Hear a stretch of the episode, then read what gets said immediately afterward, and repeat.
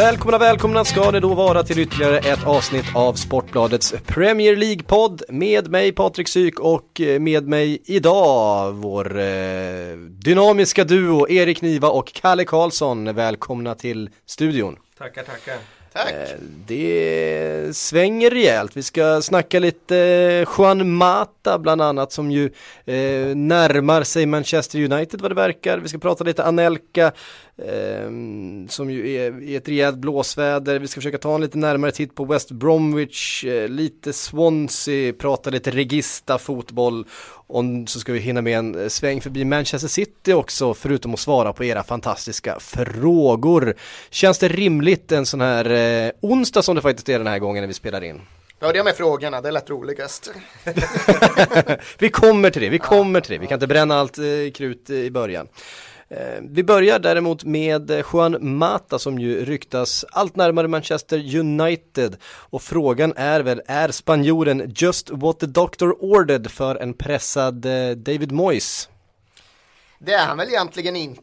Det är väl inte den medicin som Manchester Uniteds sjukdomsåkommor egentligen eh, botas av. Men Juan Mata är ju en så bra fotbollsspelare att han alltid kommer ge skillnad när han får spela regelbundet. Och framförallt är han ju en så attraktiv, eh, så marknadsmässig, eh, så ett så tilltalande namn att det gör skillnad på hur man uppfattar Manchester United. Och det där är ju inte bara min käpphäst numera utan det är ju ett högst konkret faktum att så väldigt mycket av fotbollsvärlden idag går ut på att förhålla sig till andras uppfattningar och försöka påverka omvärldens uppfattningar. Och skulle Manchester United lyckas köpa Juan Mata så skulle det signalera gentemot den här omvärlden att jo, det här är fortfarande en väldigt stark och mäktig klubb som kan attrahera världsnamn. Och det tror jag faktiskt är det viktigaste eh, ifall en sån värvning blir verklighet. Därefter kommer diskussionen om hur han ska passa in och var han ska passa in. Vad det innebär för deras spelmodell, vad det innebär för spelare som Kagawa eller för den delen Wayne Rooney när man tittar på Manchester Uniteds långsiktiga framtid. Finns det en risk att Juan Mata blir en ny Kagawa? Eh, Ja, alltså det är ju den frågan som såklart dyker upp i huvudet. Med tanke, jag, tycker, jag köper Eriks analys rakt av. Jag ska börja i en annan ända. Då är det liksom Ska man köpa spelare på det sättet, på den bilden du målar upp? Det är där jag ställer frågetecknet. Alltså United, det sista de behöver just nu är ju en, en ny Kagawa. Eh, det här är en uppgraderad version av Kagawa, definitivt. Men det jag ser i, eh, som logiken i det här, det är ju att United är rädda att Wayne Rooney flyttar i sommar. De köper in en potentiell ersättare redan nu. För att de är dessutom rädda för att de eventuellt missar Champions League. Och det bästa sättet då för att få en spelare av den här digniteten, som har allt det där som Erik berättade om, det är att handla honom nu. För att det är definitivt inte den spelaren de behöver på planen i det här läget. Sen är det klart, jag menar han kan gå in och göra skillnad i vissa matcher men jag kan inte se liksom någon plats för honom i United som de spelar nu med tanke på att han ändå har Robin van Persie och Wayne Rooney där framme och sen ska Juan Mata in i någon slags nummer 10-roll bakom där. Den finns inte i det spelsystemet. Ska man köpa in en spelare för drygt 400 miljoner och spela honom i fel position? Nej, jag, jag kan inte se eh, liksom logiken bakom det. Då är det ju att man handlar en spelare som man vill ska bidra med annat eller då fram i sommar då ta en större roll där. Vi ska inte bli för mycket uh, silly season här. Vi har ju en, uh, en helt annan podd för det ändamålet. Men vi, vi måste ändå uh, spekulera lite grann. Är det här ett tecken på kanske att Wayne Rooney är på väg bort? Det är väl en rimlig slutsats. Det är klart att man kommer ju oundvikligen att ägna sig åt eh, spekulation i ganska många led när man pratar på det här sättet. Men jag tror ju inte att Manchester United hade värvat en spelare med Juan Matas egenskaper ifall de hade varit helt säkra på att både Wayne Rooney och Robin van Persie kommer vara kvar i klubben och kommer vara någorlunda skadefria. Man kan också fundera på ifall det på något sätt tyder på att de har större farhågor kring Robin van Persies långsiktiga fitness än vad vi tidigare har trott. Men ja, det finns anledning att tänka i de banorna. Men vi ska väl kanske vänta med att hamra fast saker innan Juan Mata till att börja med har skrivit på något United-kontrakt. Sen är det ju lite intressant också om Chelsea nu säljer en spelare till United. De här klubbarna har ju inte handlat med spelare mellan varandra på många år nu. Det var väl Veron sådär spontant som jag kommer ihåg som var senaste. För de har ju sett varandra som konkurrenter om ligatiteln. Men det är ju ett tecken på att Chelsea då inte ser United som något hot i den närmsta framtiden i alla fall. Och det är ju ett tecken på, på att någonstans att United har hamnat, halkat ner i näringskedjan. De säljer ju honom i och för sig då i ett läge där de har spelat mot United två gånger och då får ju Juan Mata möta deras konkurrenter i, i ligaracet och det kan ju i och för sig då Chelsea tjäna på. Mm. Eh, intressant ska det i alla fall bli att se hur eh, det blir med den gode Juan Mata som ju är ute efter VM-spel. Det är väl i första hand det. Ja, så är det ju och det är väl i och för sig inte någon alldeles lätt elva att ta sig in i ens för Juan Mata med regelbunden speltid. Men allting som händer i januari-fönstret måste ju någonstans utvärderas även utifrån ett VM-sammanhang. Okej, okay, jag tror väl kanske inte att eh, Shane Longs övergång till Hall måste, man måste inte använda det starkaste VM-filtret eh, kring just den övergången. Men när det handlar om de här spelarna som är på gränsen till en elva eller en trupp i ett land som faktiskt ska spela VM så då är det ju en faktor. Mm. Eh, Chelsea då? Att de bara släpper iväg Juan Mata till en eh, ändå, visst kanske inte någon toppkonkurrent i år men eh, de är, har inte alls, José Mourinho inte alls varit intresserade av att eh, behålla honom ens vad det verkar. Ja, om man ska ta det som inte är spekulation, det som faktiskt eh, är bekräftat och som vi känner till numera så är det ju att eh, José Mourinho kort och gott tycker att framförallt Oscar är bättre än Juan Mata. Och det har ju egentligen bara att göra med deras defensiva egenskaper. Han gör den korrekta bedömningen att Oscars defensiv hans förmåga till pressspel och återerövring och ytstängning är så mycket bättre än Juan Matas att han alltid kommer välja honom före. Eh, och det lät ju fel när man fick höra det i början av säsongen. Man kanske inte heller tyckte att de skulle vara i en sån direkt konkurrenssituation gentemot varandra. Men eh, ja, när man nu har sett Chelsea och sett Oscar och sett hur Mourinho vill att hans lag ska uppträda under en höst så går det i alla fall att få ihop det. Det går inte att sitta här och säga att Mourinho har fel i det här fallet. Som han ju har med Lukaku. Men det är en annan sak. ja, precis. Ja, eh, vi tar inte ut någonting i förskott i alla fall utan vi får ju ändå vara så pass ödmjuka och säga att vi vet ju inte om det här blir, blir av eller inte. Det finns många hinder på vägen. Det har vi fått eh, veta från Italien, ni som har hängt med i Silly bloggen att ingenting är färdigt förrän eh, pappren är påskrivna och den tjocka damen har sjungit.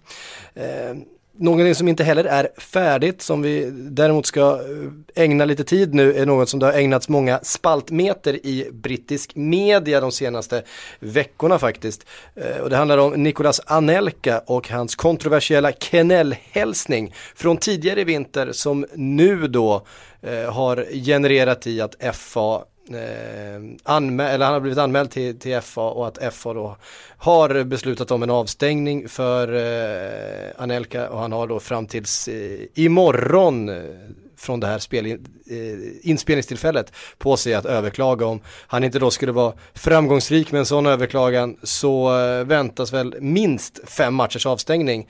Eh, dessutom så har redan en sponsor hoppat av, West Bromwich eh, Supla och idag kom det uppgifter om att Jack Wolfskin, en annan eh, klass, en klassisk engelsk eh, sponsor, eh, har hotat att avbryta samarbetet med West Bromwich. Det är känsligt det här. Han är jävla klocktillverkare som också var missnöjda tydligen.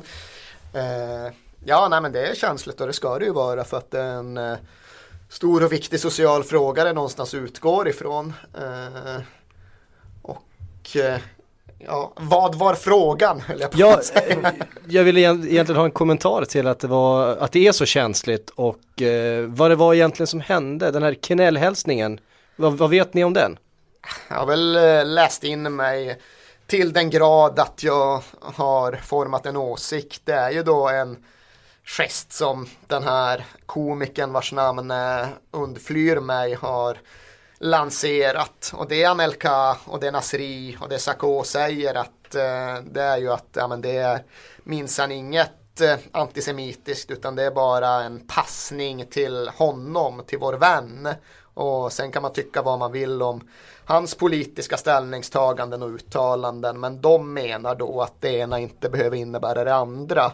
Jag menar däremot att det är faktiskt inte upp till dem att bedöma.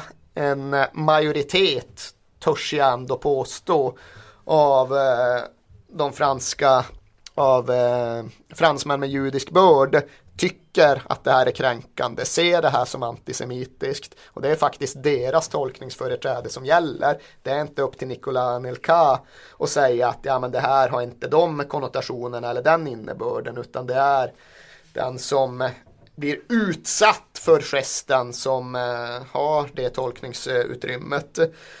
Och därför tycker jag att Anelkas försvar faller ihop. Han är medveten om hur den sociala kontexten ser ut runt eh, den här manövern och då har han ju bara att acceptera att straffet kommer och att straffet kommer bli kännbart. Mm. Vi har fått en fråga ifrån eh, David på Twitter angående det här. Dels vill han att vi ska diskutera det komplexa i Anelka Gate.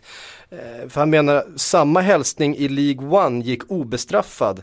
Det är, ju liksom, alltså League Ö i, i, Frankrike. Eh, gick obestraffad medans, eh, det, det, är ju en fransk hälsning ska vi säga då, medans den då blir bestraffad i, eh, i England.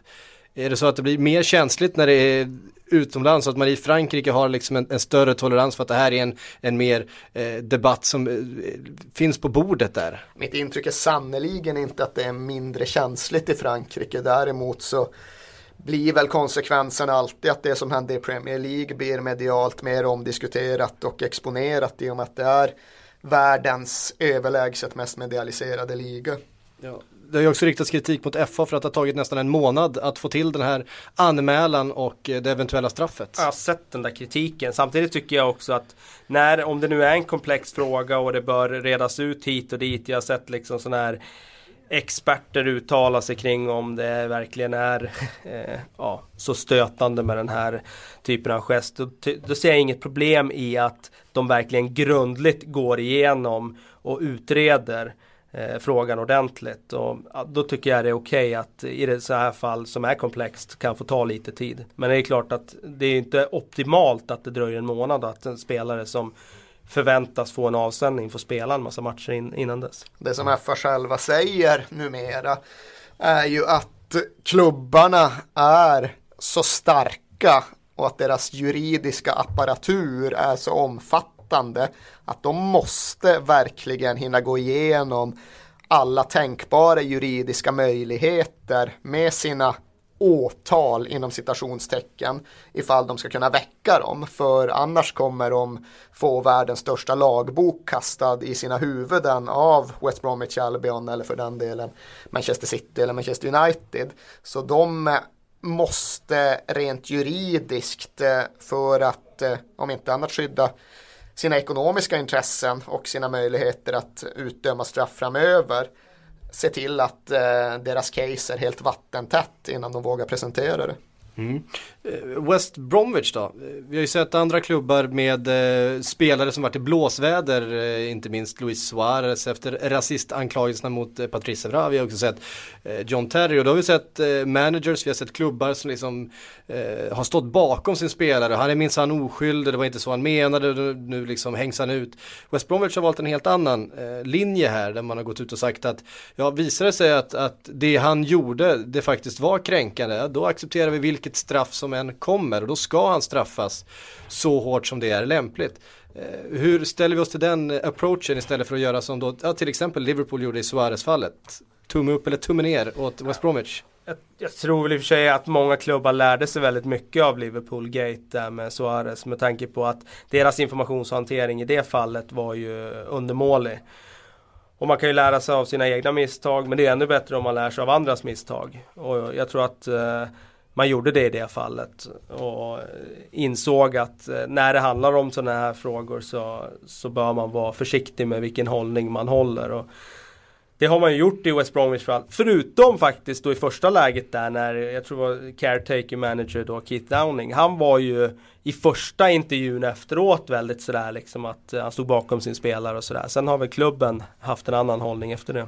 Mm. Jag är ju, jag ska inte säga dessvärre men jag har med tiden blivit så cynisk gentemot eh, Premier League-klubbarna och deras verksamhet att jag verkligen tror att det i grund och botten handlar om realpolitik. Jag skulle ju önska att jag skulle kunna sitta här och säga att ja, West Bromwich, denna starkt eh, moraliskt förankrade familjeklubb, de resonerar minsann på ett väldigt sympatiskt sätt. Men jag tror ju att det just handlar om realpolitik. De märker att de blir ekonomiskt trängda av sponsorer som hotar med att avsluta sina åtaganden. De har i den andra vågskålen en ganska marginaliserad anfallare som väl är 35 år gammal i nuläget och förmodligen ändå inte kommer spela speciellt många matcher till för klubben. Medan Liverpool hade en Luis Suarez som, jag ska inte säga att hela klubbens framtid var knuten till, men som var oerhört betydelsefull. Och jag tror verkligen att sådana aspekter väger in mer än man skulle vilja. Eh, det är realpolitik som styr mycket av klubbarnas ageranden. Om vi tittar på West Bromwich i övrigt då. De var ju eh, hösten 2012 så stora överraskning under Steve Clark. Eh, har smugit lite grann under radarn här eh, någonstans i mittskiktet. Har eh, gått igenom lite kriser men också bjuder på en del fina resultat. Fick 1-1 mot eh, Everton tidigare i veckan här. Nu får man klara sig utan Nicolas Anelka för en liten tid framöver i alla fall eh, vad det verkar. Eh, vad säger vi om West Bromwich säsongen 2013-2014? Eh, är de, står de på en stabil grund och har någonting att bygga på? Nej, det gör de väl egentligen inte. De är, känns ju som att de har tagit ganska många kliv tillbaka sedan hösten 2012 när man ändå var uppe och nosa på ja, en Europaplats i alla fall. Eh, på våren där så havererade ju deras försvarsspel ganska markant. Sen såg man ju i höstas att eh, det såg väldigt intressant ut när de hade fått in spelare som Amalfitan och Sessignon. De gick och vann den där matchen borta mot Manchester United där man kände att eh, det fanns ganska mycket positivt offensivt i ett lag som tidigare var en stabil lagmaskin och hade en trygg defensiv. Sen har ju det där också blåst över och jag känner mig idag som att eh, West Broms framtid är eh, lite osäker. Det, liksom, det, kan, eh, det kan mycket väl vara så att man kommer att glida ner i liksom, tabell, tabellens nedre regioner kommande året. Bättre än så är de inte, tyvärr. Uh, nu får vi se med en ny tränare här uh, som kommer in och vill förändra. Han vill spela attackfotboll. Man såg redan mot Everton nu direkt första matchen högre press, mycket mer eh, fokus på att vinna tillbaka bollen snabbt. Och det är ju samma typ av fotboll som Pochettino införde direkt i SA-15 och då kanske det blir ett lyft, vi får se. Mm. En av lagets nyckelspelare är ju Jonas Olsson, eh, mittbacken. Hur har hans säsong sett ut? Okej, okay. eh, jag tycker att han var ju dessvärre en ganska betydande del av problemet när just försvarsspelet eh, jag ska inte säga havererade, men då försvarsspelet i alla fall krackelerade under våren som Kalle var inne på. Då tyckte jag att han sjönk rätt mycket individuell prestation.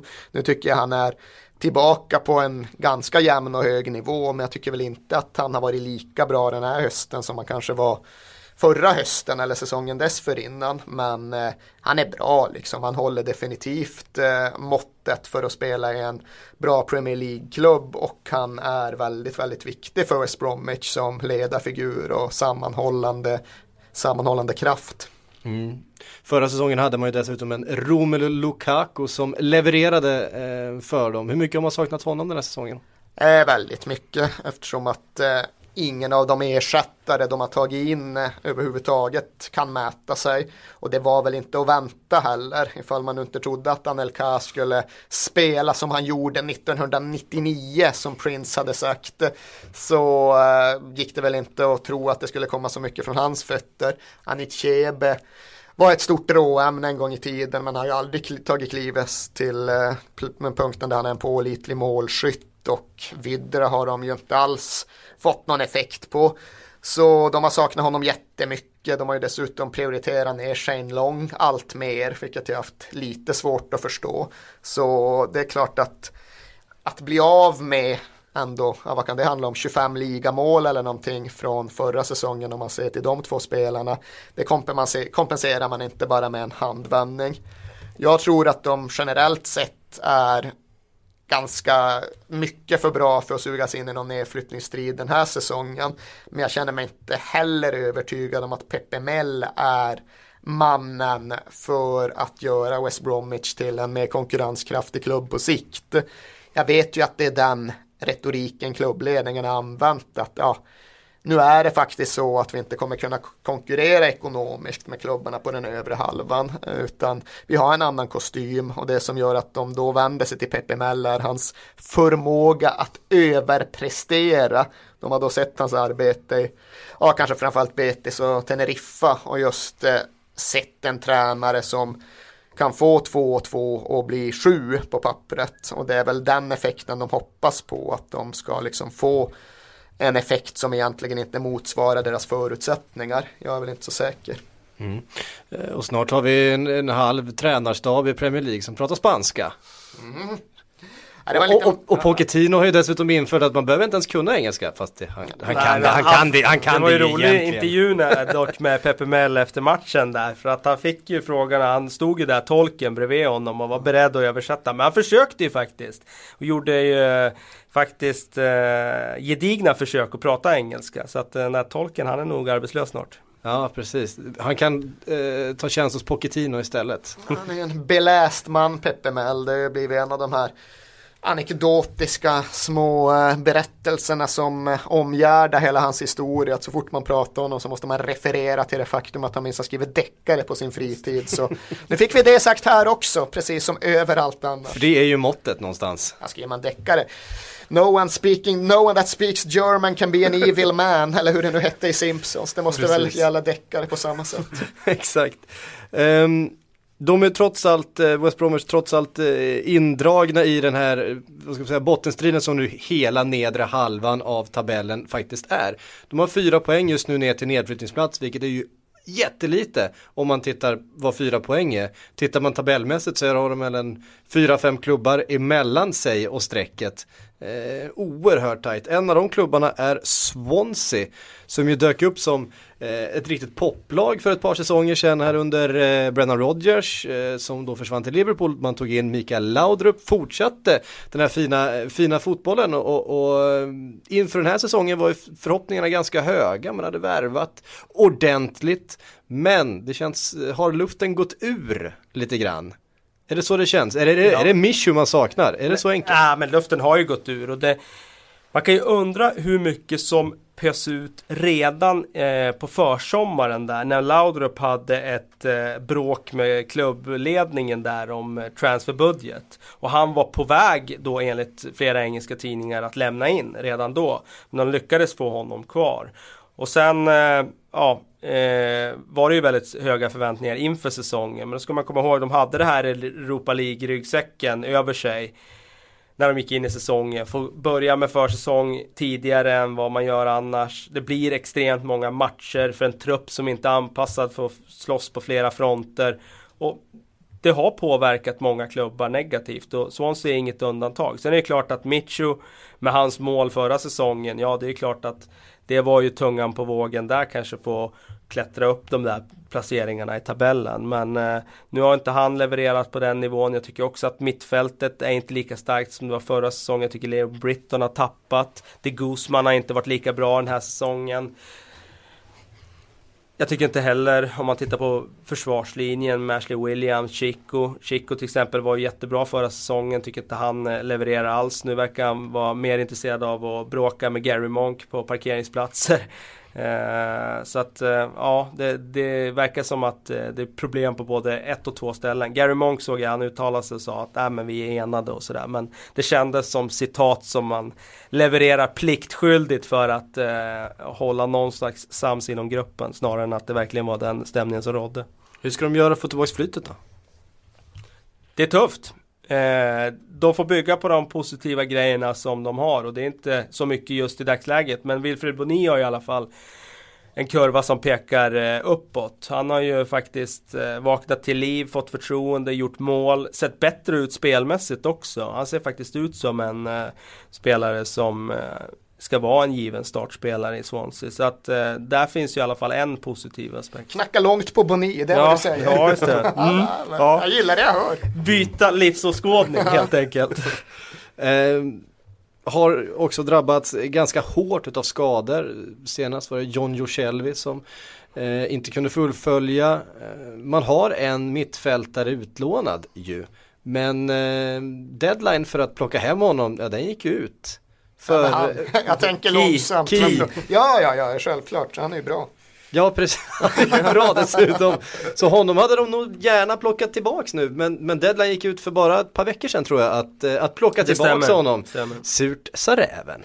Eh, Ja, I dagsläget kan jag inte se något annat än att han skulle gå rakt in på det där mittfältet och förstärka dem. För att eh, som sagt, min favoritspelare för ett par år sedan, här, Leon Britton, tycker jag inte alls bidrar med det som han gjorde så otroligt bra. Jag tycker hans defensiv Hans passningsspel var så otroligt bra och tryggt tidigare så man kunde köpa att han var svag defensivt. Men nu när han inte är lika bra på att sy ihop de här eh, passningstrianglarna så eh, blottas han mer av att han har den här svaga defensiven. Det är väl Joe Allen som alltjämt är the Welsh Xavi. Eh, så jag vet inte vad Leon Britton blir. Han är ju trots allt från London i grundläget. Men någon jävla version av Xavi är han väl. Och han är väl kanske den mest, han är den som är mest trogen originalversionen. När Xavi själv dippar, ja då får han väl själv också göra det. Han äh, följer sin mentors äh, väg och det går ju faktiskt att prata om en, en liknande karriärskurva. Man tycker att ungefär det som Xavi har tappat, motsvarande försämring kan man väl se hos en åldrande Leon Britton. Mm. Ja, om vi har då en, en, en engelsk... Vet du som är The Welsh Iniesta förresten? Nej. Det är väl Johnny Williams i Crystal Palace tror jag. Ja, vet, men ni vet vem som ja, är det? Han har ju det tungt nu. Ja, jo, han får ju, fan, han är inte en Tony Pulis första val. Nej, inte riktigt. Men då säger jag så här, vem är då The Scouse eh, Andrea Pirlo? alltså grejen är, ja, det får väl bli Rod för jag vet inte varför Enligt Brennan Rogers är det ju Enligt, enligt Brennan Rogers så var det ju som den eh, Jag funderar vem det borde vara Kevin. Det borde väl kanske vara Joe Allen egentligen. Ja men han är Welsh. Han faktiskt vara scouse. Du får ju ta Kevin Nolan och Joey Barton och de som faktiskt är scouts. Okay. Ja, det kan inte vara Kevin Nolan. Det får bli Joey Barton. Alltså. Joey det är där vi landar.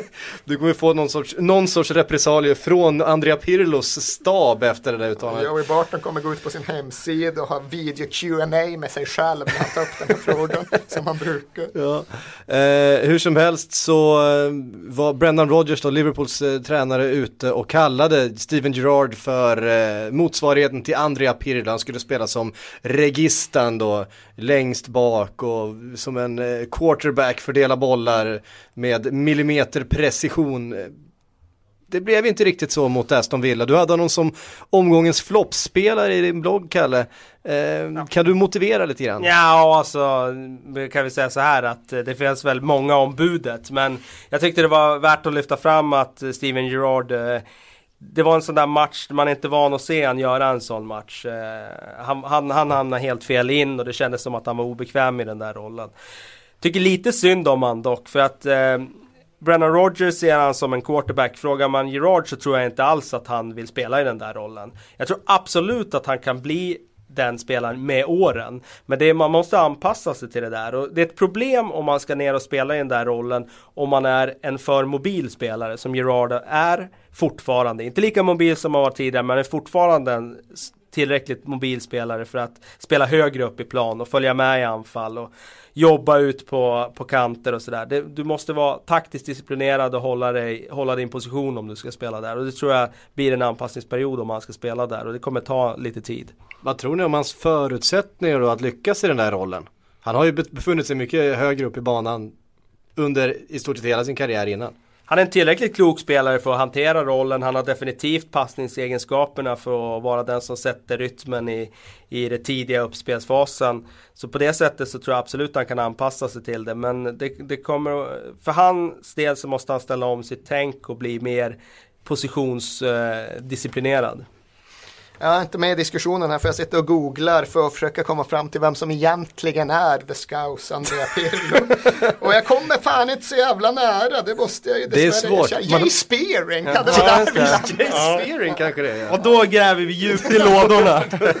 ja, det är ju ändå, det är ju Men Danny, den... Danny Murphy, var är han ifrån då? Han är från Crew tror jag. Och det okej. kan man inte riktigt räkna just in. det. Jag ska i och för sig inte svära på att han verkligen är från Crew. Han spelade ju för Crew en gång i tiden. Får kolla Danny Murphy, annars är det nog Han skulle man kunna... Men Crew det kanske- får man inte riktigt räkna in. Nej, det är okej. ju bra nära. men- Jay Spearing som då spelade eh, en del ihop med The Scottish Xavi, men nu var inne på Xavi. Och vem är det? Eh, nu ska vi tänka vem The Scottish Xavi kan vara. Han har, han har blivit kallad här utav en före detta manager.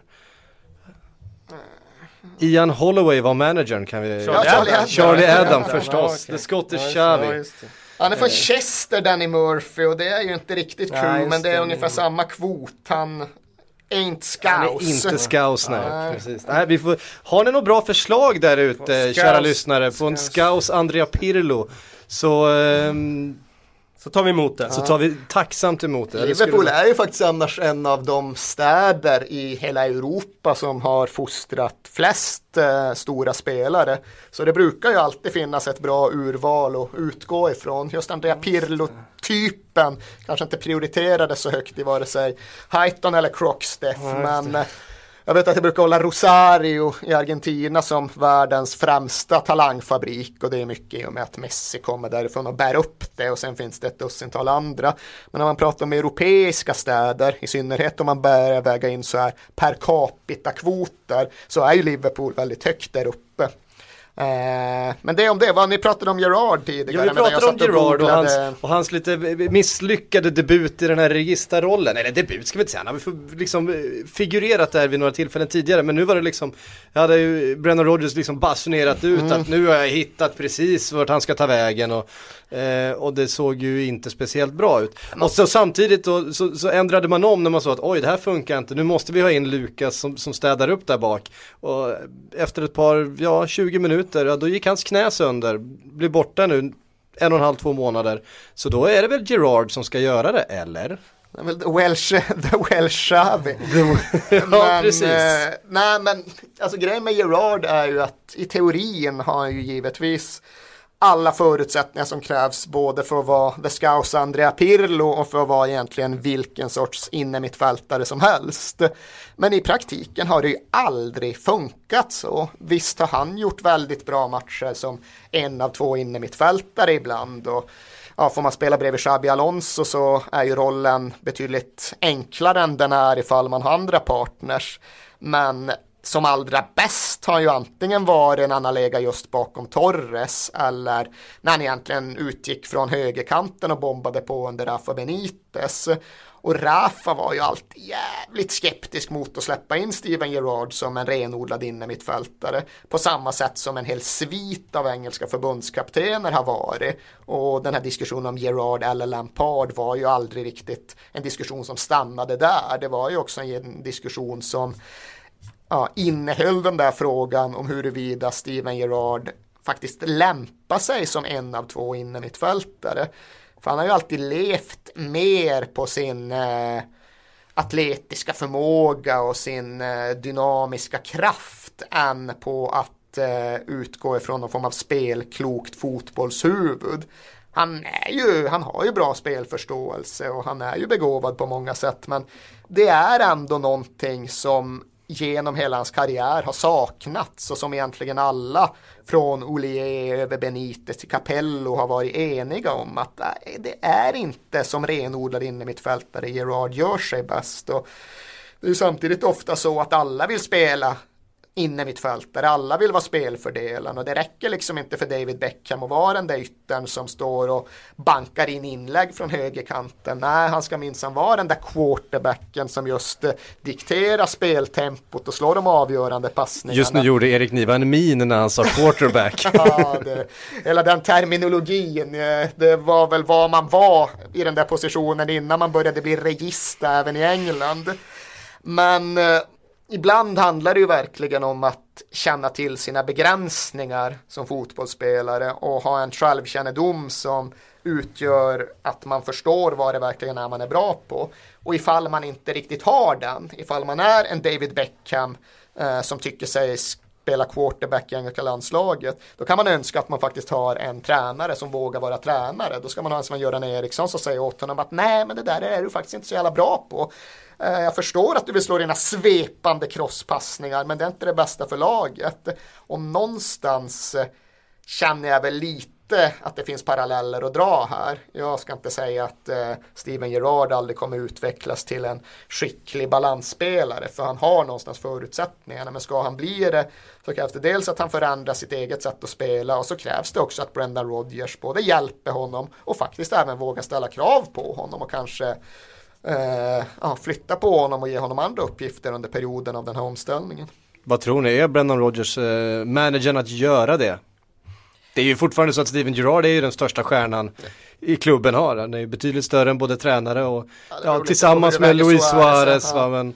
Ja, nej men alltså grejen är att det är inte svartvitt heller givetvis. Eh, det kan ju bli så att när jag håller den där utläggningen så låter det som att jag minsann tycker att eh, Rodgers eh, i varje läge givetvis är Steven Gerards överordnade. Och så är det ju på pappret men så ska det inte riktigt vara i praktiken. För Steven Gerards betydelse för Liverpool den begränsas ju inte till hur han värderar situationer som balansspelare. Utan han ska ju ha rätt att säga till eh, om saker och han ska ju kunna ha synpunkter kring sin egen långsiktiga utveckling och hans värde finns eh, i omklädningsrummet precis på samma sätt som det finns i mittcirkeln. Så jag tror väl att eh, sammanfattningen och essensen av hela den här funderingen det blir ett litet mjäkigt både och och inget deras svar. Det är att de tillsammans ska vara kloka nog att resonera och experimentera sig fram till vad som till hur Steven Gerrard ska hjälpa Liverpool framöver. Mm. Eh, vi får se hur det artar sig, hur det växer ut. Kanske inte, det kanske blir någonting helt annat, vem vet. Eh, igår var det i alla fall ligacup semifinal mellan Manchester City och West Ham. Eh, nu är det tvära kast. Där fick vi bland annat se en Stefan Jovetic köra comeback. Alla ni som undrade vart han var någonstans. Eh, efter sin andra allvarliga skada när han anslöt i somras. Jag såg inte matchen, var det någon som såg hur han såg ut? Eh, han kollade lite grann, men... Han eh, spelade sista kvarten ungefär va, och det jag såg honom slå bort ett par bollar och, och, och slå fram någon också. Eh, ganska väntat. Men jag känner att den där utvärderingen, den tar jag med mig. Ja, precis. Nej, det fanns inte så mycket utvärdering om jag ska vara riktigt ärlig för matchen var avgjord och det var, det var mot ett West Ham som faktiskt någonstans ändå försökte i den här matchen. Det är inte alltid de gör. Nej, det blev bara 0-9 totalt, så vi får ge West Ham en eloge ja, att de, höll, de, de höll nere siffrorna, de höll nere siffrorna den här gången. Skapade en del lägen också, ja, får det, inte glömma. Det gjorde, det gjorde de faktiskt. Nej, men om man jämför med första mötet så, så var det lite, lite bättre ett den här gången. Ett fall framåt som det Något att bygga vidare på för Big Sam och hans man. Men eh, framförallt tycker jag att vi fick se en 18-åring vid namn Marcos Lopez stå för eh, bland annat dubbla assist och ett imponerande moget spel. Vad vet vi om Marcos Lopez egentligen? Att det är en supertalang som Citys fans har enormt stora förhoppningar på. Eh, jag såg eh, hans spel igår, blev väldigt imponerad. Liksom mognad, du säger mognad, när han spelar fram Agüero till sista mm, liksom, målet där så värderar rätt, håller i, släpper i rätt läge. Alltså, man ser att eh, det är någon, det är en talang som har något, det där lilla extra. Men han David Silva eller vad ja, parallellen? Ja, para, liksom, det är David Silva okay. liksom. Och han utgick ju igår också från kanten och drar sig inåt mm. och sådär. Så att, äh, så, så, så riktigt intressant ut. Och City har inte varit den klubben som har eh, slussat in överdrivet många spelare upp till A-laget. Det är väl Michael Richards är väl nästan den senaste som har etablerat sig. Joe Hart. Ja fast han är ju egentligen inte City ja. så men... Han är Shrewsbury to the core! Exakt. eh, men eh, det här kan ju faktiskt bli en sån spelare som, eh, som tar sig upp eh, och, och etablerar sig i A-laget. Och det vore ju jättekul. Mm. Samtidigt är det klart att det blir ju utifrån hans synsätt eh, just den här ganska svåra situationen att förhålla sig till. Okej, okay, då spelar han som David Silva. Det innebär att han förmodligen måste slå ut den riktiga David Silva. För jag tror inte att de anser sig ha råd med två sådana spelare i en ordinarie elva. Och det kommer han inte göra. Och då kommer han förmodligen hamna i den där situationen när han måste börja hacka sig igenom massa låneperioder hit och dit och liksom försöka jobba sig ihop till speltid för att inte få sin utveckling att stagnera. Och jag är inte helt säker på exakt hur gammal han är, han är 18-19? Ja, 18, 18 är han. Ja, visst, då är det ingen panik, men han måste ju börja ha regelbunden speltid på seniornivå snart och då är det ju verkligen långt ifrån självklart att Manchester City eller någon av Champions League-klubbarna är den bästa miljön att utgå ifrån. Och det är ju sannoliken inte bara han som måste göra den avvägningen framöver utan det gäller ju i stort sett alla akademispelare som tillhör någon av de största klubbarna för det är så fantastiskt svårt att ta klivet rakt in i ett av de A-lagen. Mm. Eh, vi får se vart han tar vägen. Det är väl inte omöjligt att han går på ett lån i sommar. Och... Mark Hughes och Stoke kan vi se. ja, de har ju etablerat kontakter nu ju. Eh, Manchester City och Stoke. Eh, ska vi bara säga någonting kort om John Guidettis eh, inhopp i, eh, i lördags. Finns inte sådär jättemycket att säga kanske. Mer än att han var hälsosamt besviken efteråt. det är ett sätt att formulera det. Han är ju skön alltså, det måste jag ju säga. Alltså, ja. liksom det, det, det, är ingen som står med mössan i hand och väntar på att bli uppbjuden. Utan uh, han, uh, han går in och slår fast liksom. Hade jag, varit med, hade jag fått mer speltid hade jag gjort mål. Det är, liksom, det är inte svårare än Han har fått 10 minuter till hade han gjort mål. Det innebär alltså att han gör mål var 20 minut. Det innebär att han ska snitta 4,2 mål per start, per 90 minuters Japp. match ungefär. Japp. Ja, det, han det ser vi fram emot. han utmanar om, eh, om skytteligatiteln helt enkelt. Ja, nej, det är ju, du pratar om Suarez målsnitt här om sistens 4,2 ja. per match har han inte. Nej, det har han verkligen inte. Eh, vi lämnar eh, John Guidetti där, vi lämnar Manchester City. Eh, och sen så går vi på lite läsarfrågor, eller lyssna, fan läsarfrågor, alltså, alltså aldrig ska... Gammelmedia va? Ja, oh, herregud. Lyssnarfrågor heter det. Vi börjar med Filip Karlsson, han skriver så här. Bertrand blev Chelseas 23 spelare att gå ut på lån. Vad anser ni om detta? Är det okej? Okay? Att Nej. hålla på så här? Alltså vi tangerade väl det någon gång när vi diskuterade Lukaku och huruvida Everton drog någon form av fördel av det.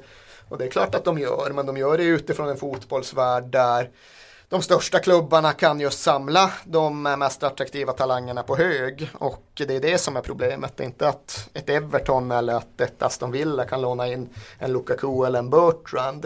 Eh, jag tycker ju att eh, det blir ett problem när det ser ut på det här sättet. Det var som när Milan höll på som de gjorde under första halvan av 90-talet och köpte spelare bara och satte dem på sin egen bänk bara för att inga andra skulle få tillgång till dem. Det här blir liksom förlängningen av det på något sätt. Eh, och eh, den där 25-mannaregeln som infördes eh, härom året, den tyckte jag det fanns rim och reson bakom. Men jag tycker att den blir helt urholkad i och med att det fortfarande finns den här kryphålsmöjligheten. Så på något sätt tycker jag ju att man ska reglera bort möjligheten för Chelsea att låna ut 23 spelare eller för Parma att låna ut eh, 730 spelare eller vad det nu är de har. Eh, så ja, så tycker jag. Så tycker du. Håller du med Kalle? Ja, jag delar den uppfattningen. Härligt. Vi eh, fortsätter. Jonas Paulsson eh, undrar så här. Mertesacker och Koscielny har hyllats med rätta för deras samarbete. Men vilken roll spelar Kersny där? Kan man liksom eh, blanda in honom i, i deras försvarsarbete? Det, man brukar tillskriva målvakten eh, lite, liten kaptensroll den som dirigerar sina mittbackar. Man kan väl vända på det om man nu vill ha den kopplingen och säga så här. Hade Chesney eh, agerat osäkert den här säsongen så hade det givetvis spridit osäkerhet i försvaret. För vi vet att det är så det funkar. Nu har ju han tagit eh, rejäla kliv eh, framåt. Eh, han har tagit det där klivet upp till att bli en av de bästa målvakterna i ligan. Eh, tycker jag nog han har varit den här säsongen. Och eh, det är självklart att det givetvis har påverkat och liksom spelarna kan agera utifrån det där lugnet som han ger. Så att det har säkert påverkat lite grann. Men jag ser inte liksom ja, Man får ju fundera vad som är hönan och ägget bakom att eh, Mertesacker och Koscielny eh, har agerat så bra den här säsongen. Jag ser väl inte liksom att Chesney är huvudförklaringen. Utan snarare att de själva har varit lyft sig och varit väldigt bra. Mm. Um. Vi går vidare och här har Viktor Andersson skrivit, han har egentligen skrivit eh, två frågor men jag väljer att koncentrera mig på andra halvan Ska utav hans... Ska ställa dubbelpipiga frågor, det första eh, man får lära sig på Journalisthögskolans intervjulinje eller intervjumoment. Precis. Han skriver så här, vem och vilket lag har- är säsongens överraskning? Eh, han föreslår Hull och Huddlestone. Men så skriver han också, vem är Premier Leagues lataste slash mest oseriösa spelare? Och där vill jag ni, eh, nu att ni på uppstuds ska plocka fram de tre minst seriösa, alltså lataste i förhållande till sin kapacitet. De som inte tog det här på, på liksom största allvar på något sätt. Eh, Alltså Ja, med jag reservationen att, ja det är det Ja. självklara namnet. Men, Men jag vill att ni ska ha tre och det behöver Ja. inte vara spelare som bara spelar idag utan någon som faktiskt eh, satt, satt, satt, satt på talangen men, men, men var för bekväm för att eh, riktigt blomma ut. Ja, alltså med reservation med att lat och säga, säger inte att det är helt synonymt däremellan. Men jag förstår ju ungefär vart du vill komma. Eh, då ska vi tänka, alltså hur långt är tidsperspektivet här? Ska man tillbaka till så här George Best-tid? Nej, eller nej, så? nej. Vi, vi håller oss Modern. i Premier League. Det här är Ja, Sportbladets Premier League-podd. Jag avskyr verkligen det synsättet som går ut på att fotbollssporten grundades Att Sky, 1900. Ja, Sky exakt. grundade fotbollen. Men ja, ja, ja. ja, Men det är ja. enkelt för oss att gå 22 år tillbaka i tiden. Jaha, nu ska vi tänka. Vi- Ska vi kasta in Berbatov där till att börja med? Ja, men jag kan de tre? börja med att snacka kring Ja, honom där. ju Alltså, bara- han, han, han har ju en extremt stor talang. Och det är klart att hade han maximerat den talangen med hårt arbete så hade ju han varit en av de bästa anfallarna i världen. Så är det ju.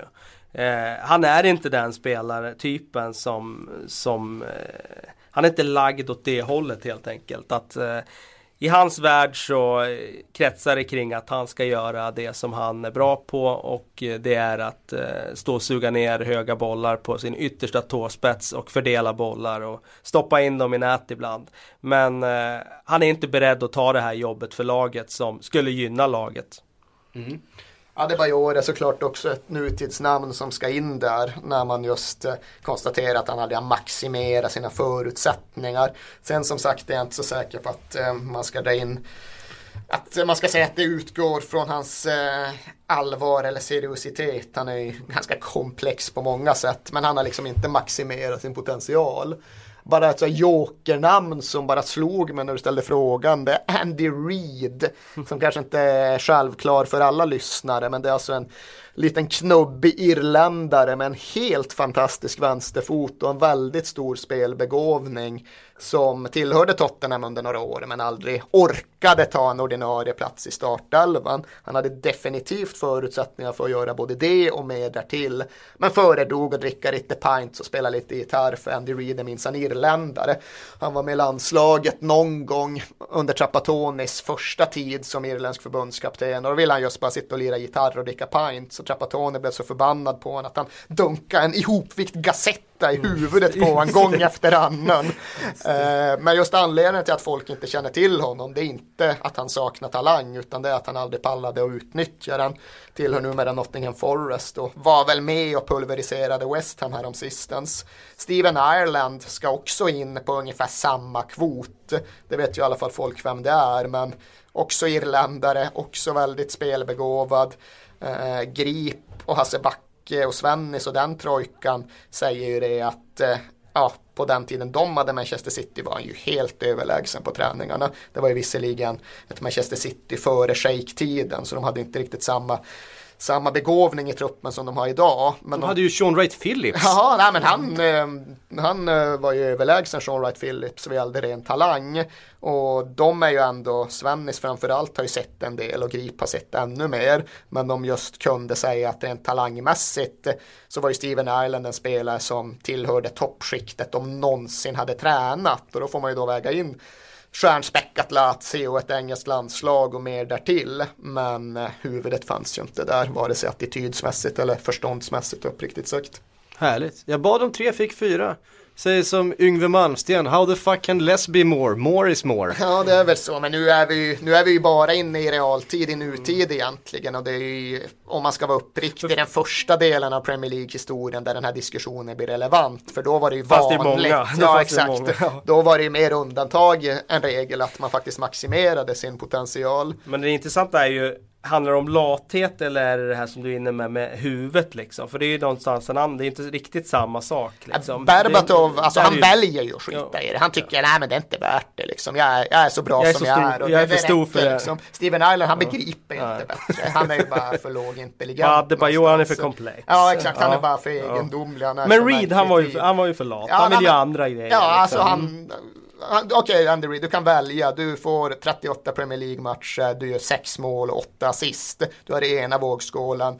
Du har 49 pints och hela YouTube-sångbok eh, och en ackgitarr i andra. Han tar ju ackgitarren och bärsen. Och det kan jag respektera. så det får man göra. Det får man göra. Gassa är ju, det är ju också en komplex person. Ga- där kan vi Gassa också är- snacka om Man kan som inte inte väga max... in lathet i alla fall. Eh, den är där vi, där, den, den psykologiska profilen kanske vi ska Ja, du eh, kanske inte har tid för vad Gå eller det. eller någon annan. äg- ägna lite mer tid än annan, eh, ett annat avsnitt. Temaavsnitt Gassa kan vi ha. Absolut. Jag tror det var Frans Fotboll, alltså det franska veckomagasinet som hade någon så här Looking for Gassa story för ett par veckor sedan som var jävligt, jävligt bra. Långt reportage, liksom. nu skulle de minsann gå till botten med den komplexa figuren Paul Gascoigne. Och det är ingen unik infallsvinkel och det är många som har gjort det före dem, men det var ett väldigt bra reportage som jag högt upp i huvudet för att jag nyss läste det. Mm. Intressant. Den kan ni kolla upp. Ja, det kan ni. Mediala tips kan vi komma med. Här. Precis, absolut. Eh, nu ska ni få en annan eh, liten, eh, ja, sån där fråga som några har ställt sig. Eh, Erik Tektor skrev på Twitter och, och han riktar sig förstås till er två. Om ni tränade en Premier League-klubb och fick välja firma Suisse, eh, Suarez Sturridge eller Agüero Negredo gratis, vilka skulle ni ta? Det var faktiskt ingen helt Oj. lätt fråga. Den var svår. Uh, jag hade nog fan tagit Suarez och Sturridge faktiskt. Bra Eh, Erik. Får jag dem på långtidskontrakt, jag behöver inte släppa dem till Real Madrid om en kvart. Nej, nej, nej. Nej, nej, jag tar faktiskt Suarez Sturridge. Du- Men du tänker liksom eh, Agüero och Negredo, de kommer lockas tillbaka till Spanien? Nej, jag tänker det inte alls så. Ja. Jag tänker att jag får ha Nej, båda tänker de vi här spelmässigt. i fem år framöver. Ja. Och jag väljer fan Suarez Sturridge. Eh, och det är kanske lite överraskande för vissa i och med att Manchester City som lag betraktat nå en högre nivå med sin anfallsduo. Men nej, jag, jag gör det. Jag gör det. Eh, jag är visserligen inte helt säker på att Daniel Sturridge blir den där världsanfallaren. Men jag måste ju erkänna att jag tycker Suarez är bättre än Agüero. Och eh, nej, jag, jag, jag behöver inte rättfärdiga mig mer än så. Jag gör det valet. Du då Kalle? Ja, jag har jäkligt svårt att, att skilja dem åt Du som- faktiskt. du Jag- som men jag- är tränare men jag- men jag och du tänker- har ett lag, tänk Men jag nu. tänker så här med det som talar för Suarez Sturridge. Det, jag känner Agüero och Negredo, de är jag, kanske uppe på den nivån där, där, där deras max är. Eh, Negredo är inte så himla ung längre. Eh, han eh, har varit på bra nivå i Sevilla. Han har tagit det där klivet upp nu i City. Eh, Sturridge tror jag ju går att plocka ut mer av. Eh, ännu mer av. Och kan utvecklas eh, i sitt spel. Så att ja, det är möjligt att det, den kurvan kanske Potentialen finns eh, att ta ytterligare ett kliv för Sturridge Suarez. Jag förutsätter att jag har fått ett skitlag att ta hand om och jag tror faktiskt att sett eh, Suarez Sturridge i ett eh, mediokert sammanhang, sett dem i West Bromwich så är de fler mål än vad Agüero och Negredo gör i West Bromwich. Sen ifall man utgår från ett lag där allt annat redan fungerar fantastiskt bra, då kanske det är så att Agüero och Negredo någonstans kommer med en ännu högre målgaranti. Det är Så är det, möjligt. är det men, kanske. men som sagt, jag förutsätter att jag har fått ta över några jävla skräp, så då tar jag Suarez Sturridge. För Star, eh, Suarez skapar ju faktiskt, eh, av de här fyra så är ju definitivt den som skapar flest målchanser på egen hand och av ingenting. Ja det var väl förra säsongen där eh, det kom statistik om att var tredje mål han gjorde under förra säsongen, vilket då skulle vara någonstans i ja, 8-9 mål, var helt utan assist. Det var liksom Suarez som själv hade stulit bollen av en försvarare och sen gjort mål. Eh, och den, den kvoten får man väl då anse vara väldigt hög. Vi tar vidare, vi hinner med en fråga till vi har fått ifrån Viktor Lundqvist och han har en så lång fråga att han fick dela upp den på två tweets. Eh, men det, det löser vi på den här Eh, redaktionen. Fjärde käpphästen man får på Journalisthögskolans intervjumoment. Inte för långa frågor. Nej, nej han har en, en liten förklaring. Man kan säga att vi har gått igenom eh, halva kursen i journalistik här idag. Mm. För, det, för det, det är så, det är så Inte ställa är. flera frågor, inte ställa för långa frågor. don't get me started på det inte. Jag tror faktiskt det fortfarande är samma. Att det var en ganska betydande andel eh, liksom tongivande svenska journalister som fick åka och träffa intervjugurun John Savatsky någon gång under andra halvan av 90-talet. Och det kom sen att eh, innebära någon form av självklar sanning i all intervjumetodik på svenska journalisthögskolor i årtionden framöver. Jag tror fortfarande är så att allt handlar om den här John Savatskys lärdomar och jag är inte helt säker på att allt han lärde ut var allmängiltigt. Men... Nej, det, jag känner igen det där också från JMGs eh, trånga korridorer. Eh, nej, inget ont, inget ont om JMG men, men... Inget ont om John Savatsky. inget ont om John Savatsky heller, nej. Eh, men Viktor Lundqvist han har i alla fall struntat i det här med att ställa korta frågor och så ställer han så här. Det känns som rycket är gjort nu. City, Arsenal och Chelsea blir topp tre. Om vi tänker utifrån att vinna Premier League, vore det inte bra för Arsenal då, bra inom eh, sån här citationstecken, eh, för Arsenal att ryka i Champions League nu? Truppen är inte bred nog för båda väl? City klar fördel där ju. Ja, nej men jag... jag Frågor och påståenden om, ja, om, om vartannat här. Men slites det hår som jag inte vet Vrider sig i sin... Ja, precis. Ja. Nej, men jag håller nog med här om eh, hans analys i det hela. Eh, jag tror att Arsenal får väldigt tufft mot Bayern. Jag Precis, tror väldigt, väldigt, det, väldigt tuff lottning dessutom. Jag tror inte att det är någon nackdel i deras lika race, utan jag tror att de kommer gynnas väldigt mycket av att åka där. Men då utgår vi nu från att Manchester City går vidare eller? Nej det gör vi i och för sig inte. Men eh, just i Arsenals fall så skulle ha bättre förutsättningar. City kanske skulle kunna klara av att parera det på ett bättre sätt. Alltså, jag är inte så jävla säker på att Manchester City Nu när Jovetic har gjort comeback här. är mycket bredare än Arsenal. Så jag tror att den kvalitativt är lite bättre. Men jag vet inte fan om den är så mycket bredare. Det är fortfarande Giro-frågan såklart. Men... Mm. Um, om vi säger så här då. Eh, hur mycket skulle det kosta för Arsenal om man nu skulle gå all in och ta sig förbi ett Bayern München i det här skedet.